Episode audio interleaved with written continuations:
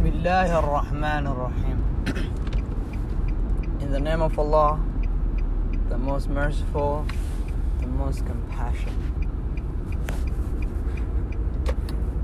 And may the, may the peace and pleasant be upon His Messenger, Muhammad. Allahumma salli wa sallim ala nabiyyina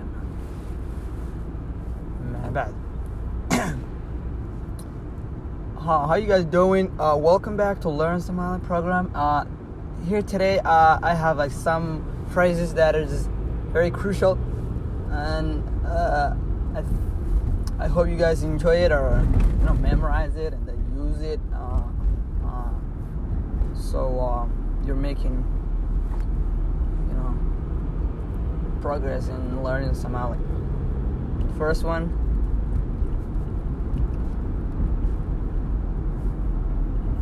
Ka. When somebody's sleeping or sitting, you know, some place, you want to you want to tell them to get up. You have to say that ka or ka, you know, ka. I'm not. I'm not sure if you can say that. You know, ka, because there's no, there's no, the, English language does not have the letter ah in it. Maybe it, it, it's gonna say, yeah, let's just say ka. You know, that's all. That's all you need to say. Ka, ka, without ah, ka. God.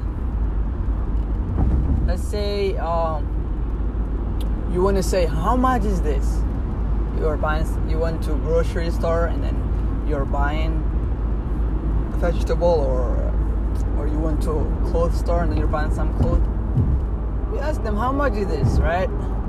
So you you you're you're gonna use this uh, expression wa imisa or just imza. No? Wa imza. Imza.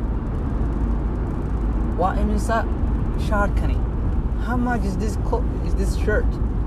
How much? Wa imza. This shirt. How much is this shirt? How much is this shirt? How much is this shirt? Is wa imza. Wa imza sharkani. Right, Mr. Shark.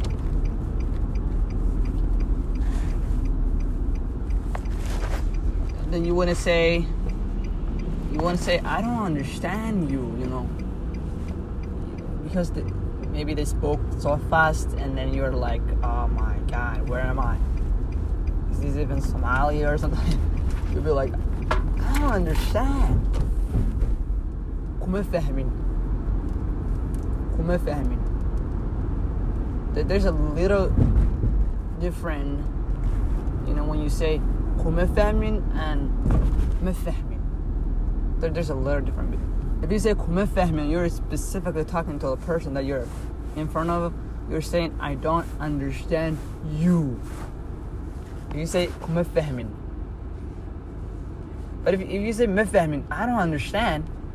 See, mefahmin is you're just saying I don't understand. You're not you're not pointing out the person. You're not saying I don't understand you, you know. You're just saying I don't understand no? Yeah, mafahmin. If you want to say kumafahmin, which means I don't understand you, kumafahmin. Or you can just say mafahmin. Mafahmin. I don't understand. Mafahmin. Okay. Wh- whatever you want to say, I understand. You know, sometimes you understand something and then you want to say oh i understand it okay in that case you need you just need to say one fahmi one fahmi one fahmi or uh, there, as i told you before there's a little different one kufahmi and one fahmi. If you say one kufahmi, that means I understand you. The person you're pointing out the person. But if you say when فهمي, it just means I understand.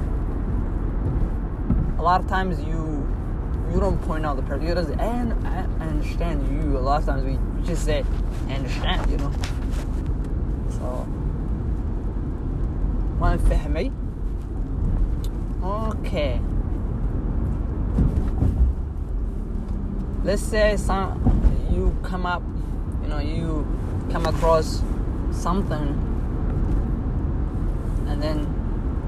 you don't know how to say in Somali and then you're telling the person what this is. You know, you'll be like, Wa kani. Wa kani. What is this? Wa kani. Wa kani. Wa kani. What is this? Okay. All right. There's another. There's ano- there's another one that I want to share with you guys. Um, it is.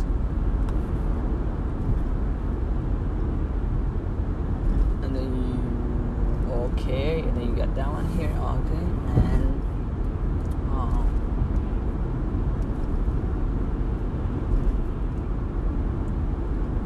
uh, you know the the the cup that you drink with something is still cold. We, we still say cold. In English, it's cup, but we Somali use cup. We say cup. Um, there, there, there's a lot of uh, similarity in Somali language and in English. There, there are sometimes you you you know some words in English, but you don't know in Somali. Sometimes you know in Somali and you don't know in English. It happens all the time, you know. There's some words that you can't even translate. Like there's those words don't exist. They came up later on, so there's no def- there's no correct definition for that. You know, you just have to see the how the words used and then you know look around what what is what it surrounds by and then you the definition from there. Uh, okay, cop call. Teacher. Teacher. Ma'alin. Ma'alin. Ma'alin. Ma'alin. Ah, ma'alin. Teacher.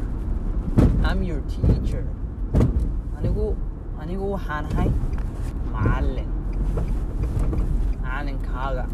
know, there's there's a difference between macallinkaaga and macallin macallinkaaga means your teacher I'm your teacher. But if you say I'm I'm teacher you're just saying waxaan ahay know? There's something that I need to point out here. Uh, a lot of times when we say, when we're when we're using the pronouns I, she, it, they, a lot of times we don't say I in in the form of like the, one that we know I. We don't say that. It- like we just let me let me give you an example. Uh, let, let's say I'm, I want to say I'm driving. I'm driving Somali. I'm not gonna say I won't translate the I, but I'm translating it in a way that is not visible. What I mean by that is, let's say I'm driving. And The the, the uh, meaning of that is, uh, waxaan wadaa gaari. Waxaan wadaa gaari. But it is literal, you know. Meaning is anigu waxaan wadaa gaari. See, we don't we don't use anigo. You know, we just use something something else that is equivalent, that is same as I, but it's not still not I. You know, I, I think I- think you may understand what I'm talking about. This happens in in in, uh, in uh, in uh, this happens in um, Arabic language. You say, for example, if you want to say he created, it it is literal meaning is huwa khalaqa, right? But if you if but, it, but they say khalaqa, they just say. He created. It's khalaqa. The the the doer of the the doer of the verb is already in the verb. khalaqa. He created.